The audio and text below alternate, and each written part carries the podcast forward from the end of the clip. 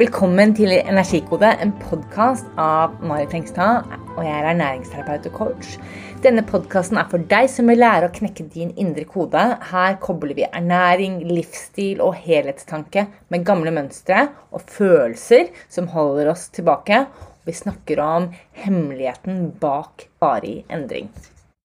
Velkommen til episode tre. I dag skal vi snakke om hvordan du kan finne din beste versjon. Eh, den beste versjonen av deg og det livet ditt du har lyst til å leve ved hjelp av å bruke ritualer. Jeg har også lyst til å dele noen tanker rundt hva som holder oss tilbake fra den versjonen av oss selv der vi tar bedre valg som matcher opp med hva vi faktisk ønsker å få gjort, og hvor vi ønsker å være. Og da snakker jeg om at man ikke blir eh, utsetter, at man ikke blir vippet av pinnen av ting som kommer i veien i hverdagslivet, men i stedet prioriterer det som er viktig, og vi setter målene vi, har bestemt oss for, til live. Det blir ikke en sånn teoretisk greie som er på en eller annen listebok et eller annet sted. Man gjør det faktisk. Nå sier ikke jeg at vi ikke ikke skal la oss bli påvirket av det livet som er rundt oss, uh, og bli supermålbevisste og bare ha rett frem tunnelsyn. Jeg snakker ikke om det. Vi må ha litt sidesyn, og vi lever jo tross alt ikke i et vakuum. Men hva om det er mulig for deg å legge til rette for å ta bedre valg? Det er egentlig det jeg har lyst til at vi skal snakke om mer i detalj. Hva om det er mulig å fokusere på én eller to ting som hjelper deg ta bedre valg? For ditt liv og for din familie som hjelper deg unngå energilekkasjer, prokrastinering og den derre følelsen av konstant overveldelse for alt du burde ha gjort. Og jeg tror det er helt mulig hvis man vet hva man vil. Hvis du vet hva du trenger, og du finner den fellesnevneren. Hva er de tre tingene jeg må gjøre for at jeg skal ha den energien og ikke utsette å føle meg jorda der hvor du er, da. Så denne fellesnevneren jeg snakker om, det kan så klart være flere ting. Eller to ting. Det, så, det er liksom noe med at det må du definere basert på dine behov og ditt liv.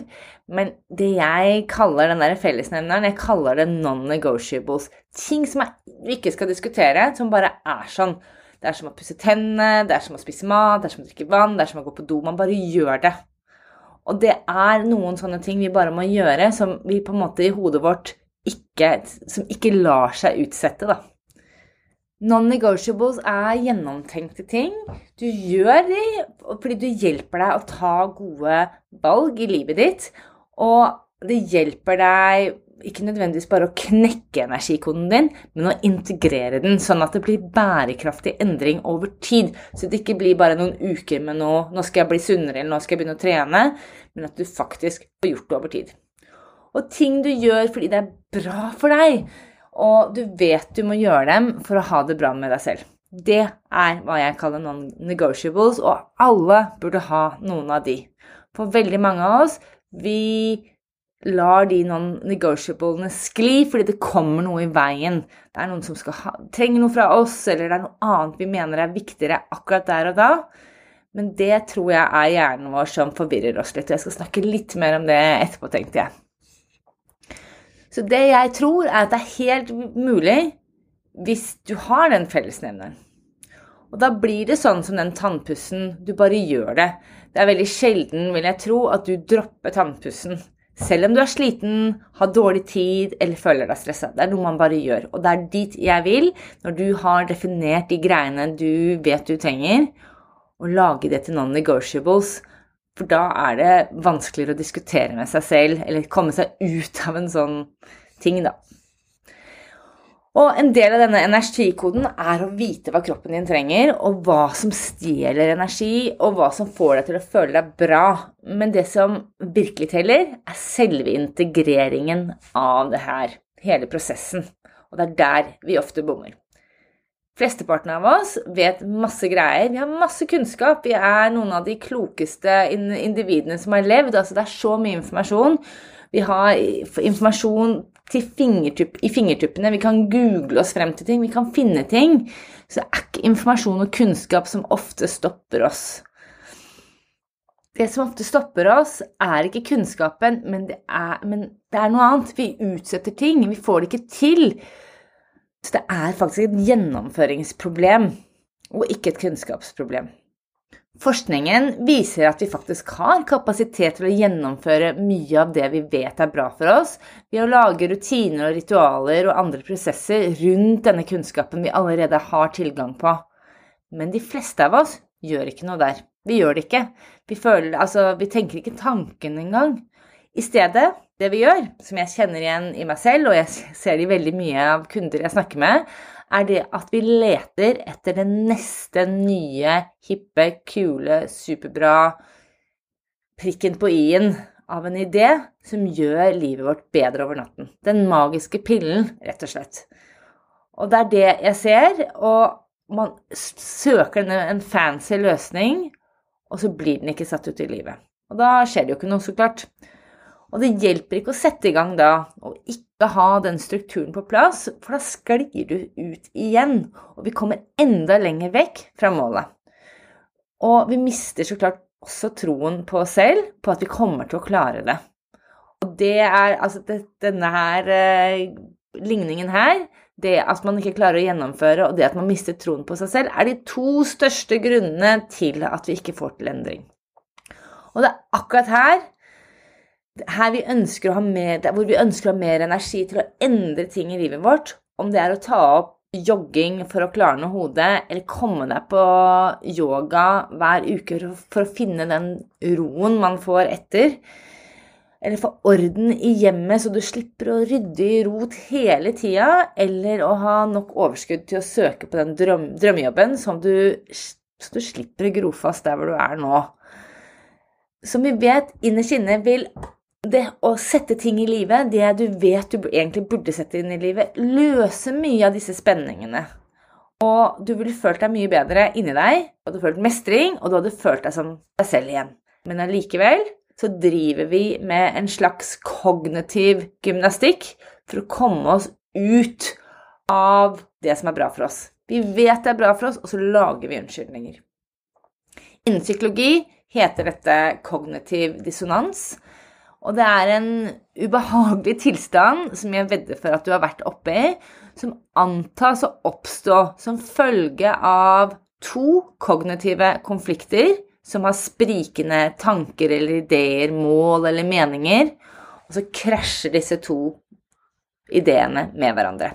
Som for eksempel um, Jeg tenker at jeg burde ta vare på helsa mi, trene, spise mat, så jeg ikke er sliten, for da blir jeg mer produktiv på jobb og får til mer av andre ting som er viktig for meg. Det tenker jeg at det er en fin tanke. Men samtidig så tenker jeg jeg har ikke tid eller ressurser til å prioritere meg selv akkurat nå. Her ser vi at det er en ubalanse mellom de to trossystemene, eller de to tankene jeg har, på den ene siden så vet jeg at jeg burde gjøre alle disse tingene. Der kommer den burde-greia inn. Og på den andre siden så tror jeg at jeg ikke har tid, og jeg har ikke tid til å prioritere det. Og den ubalansen der gir meg, og jeg har vært der før, skjønner du, gir oss ofte da dårlig samvittighet. Og det er ubehagelig med den, den, samvittigheten, så hjernen vår prøver hele tiden å komme seg ut av det. Så vi har på en måte to muligheter. Enten så tar du noen grep og får hjelp til å knekke den energikoden, og du får mer energi, og du kan få gjort være mer produktiv, og du får spart opp tid og begynt på den jeg vet ikke, hobbyen du har lyst til å ta fatt på. Eller du har kanskje prøvd dette før, og du kjenner igjen lusa på gangen, og du tenker mm, Det funket ikke forrige gang av en eller annen grunn, så nå kanskje Det kommer sikkert ikke til å funke nå heller.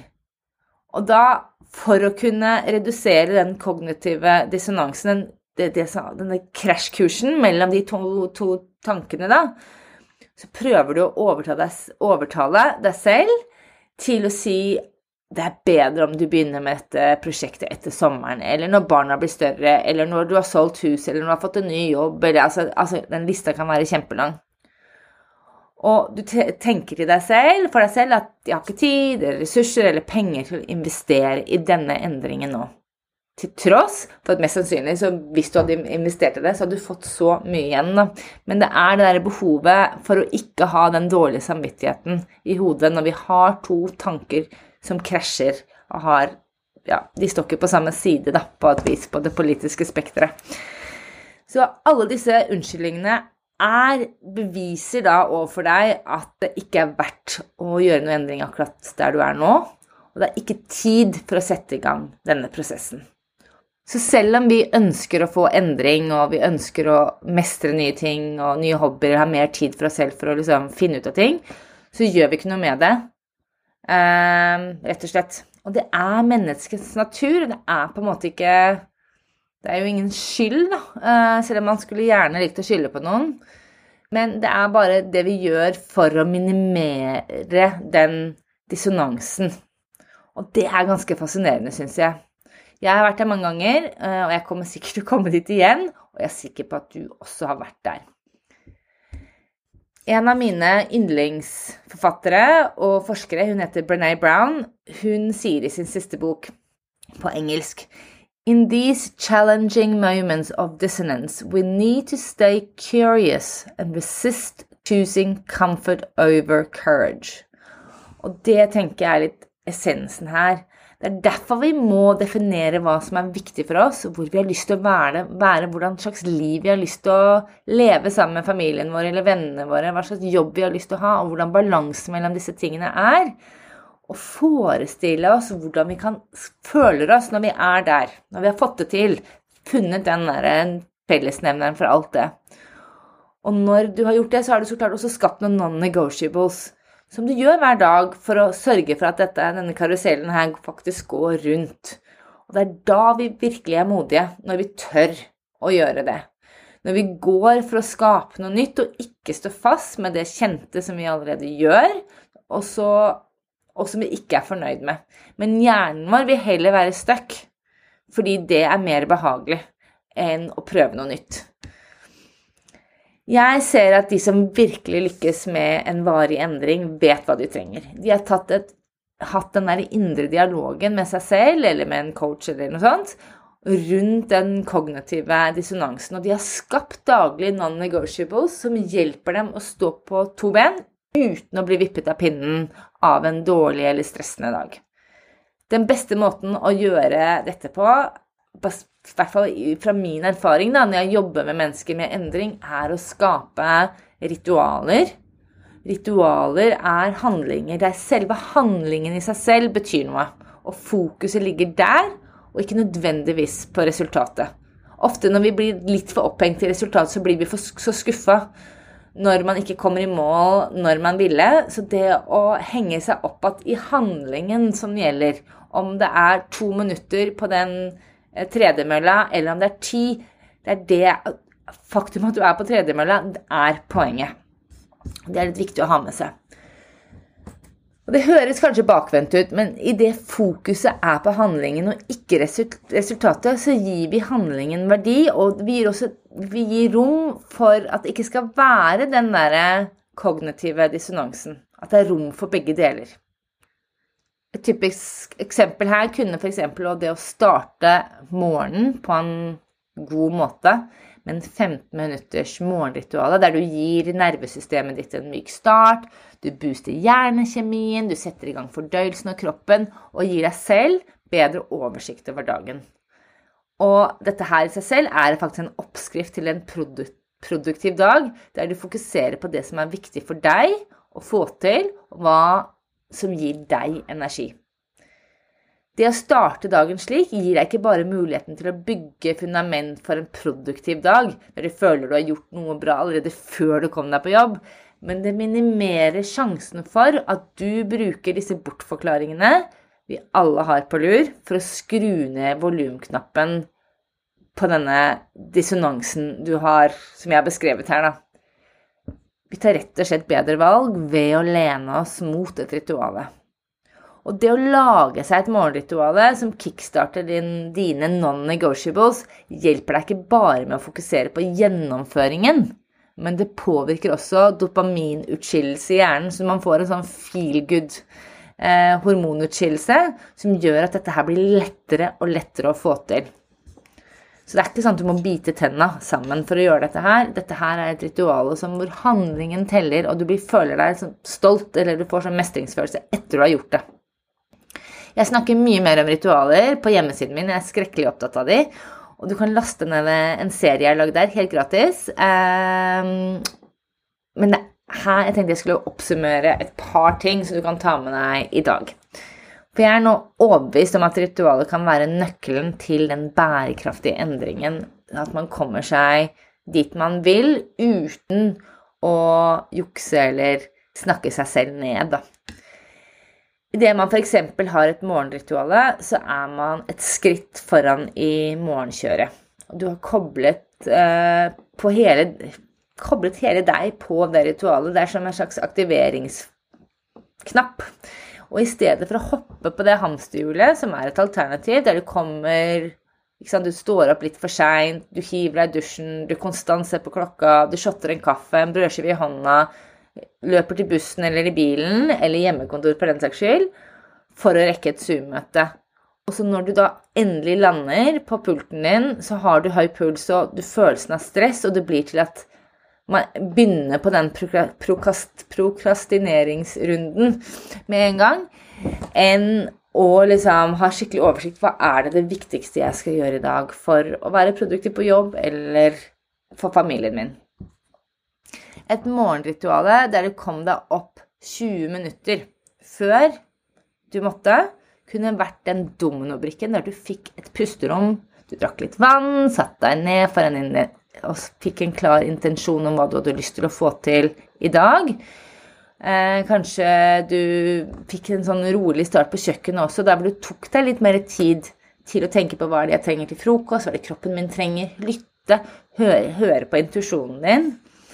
Tenk hvordan dagen hadde vært da. Er ikke det en ganske stor forskjell med, med det hamsterhjulet som mange av oss har vært i mange ganger? Så greia med ritualer er at ritualer forvandler handlingen du gjør, til noe mer gledesfylt. Det er glede i selve handlingen. At det er det At det gir noe der. Ritualer blir på en måte det pusterommet der du får oversikt, og du har mulighet til å roe deg helt ned, og til å få klarhet i hva som er viktig for deg. Et morgenrituale, eller det kan være et rituale senere på dagen også, altså, men et sånt rituale bremser vår egen autopilot, så vi slipper å gå inn i gamle spor og dårlige vaner. Som ernæringsterapeut tror jeg at det er ofte her vi bommer. At vi starter dagen med å ikke prioritere hva vi trenger, og at vi ikke spiser nok eller balansert nok, som igjen påvirker energien og hormonene våre. Og at vi føler vi burde gjøre mye greier, og vi har masse kunnskap om det kunne, hvordan det kunne sett ut, men vi får det ikke helt til å matche i vårt eget hode. Og når det ikke skjer, sitter vi igjen med dårlig samvittighet. Og så blir det en slags Eller det blir ikke en slags, det blir ofte følgefeil, da, fordi man begynner sant, da, med det hamsterhjulet og kaffen og kanskje en brødskive, og så har vi det gående med hormonubalanse resten av dagen, som ofte ender med at man ikke orker noen ting på kvelden. Så ved å prioritere våre egne behov først, ja, akkurat som på et fly, da, hvor man har på den oksygenmaska før man hjelper andre, det er akkurat det samme jeg egentlig snakker om her. Så hvis du klarer å prioritere hva din kropp trenger, hva ditt hode trenger for å få overblikk, for å få nok energi til å ta gode valg, ja, da snakker vi. Det er da endring skjer, og det er da du nærmer deg den versjonen av deg selv som du drømmer om, og har lyst til å være, du har lyst til å være der oftere. Så avslutningsvis på denne podkasten så har jeg lyst til å gi deg et lite spørsmål du kan tenke litt på. Hva er det du må gjøre hver dag eller hver uke for å leve mer av det livet du ønsker? Hva er det kunne vært noen av dine non-negotiables. Og dette her kommer ikke noe sånt svar dalende som er løsningen. Man må jobbe litt med det. Og det tar litt tid, spesielt det å finne ut hva faktisk din kropp trenger. Men å bygge de rutinene og de ritualene, men allikevel å begynne å tenke tanken Det er noe der. Så tusen takk for at du lyttet til denne podkasten. Ønsker du mer tips, så kan du klikke like and subscribe her. Jeg setter veldig stor pris på det. Og hvis du vil vite mer, så kan du sjekke ut min nettside energikode.no. Vi høres neste gang.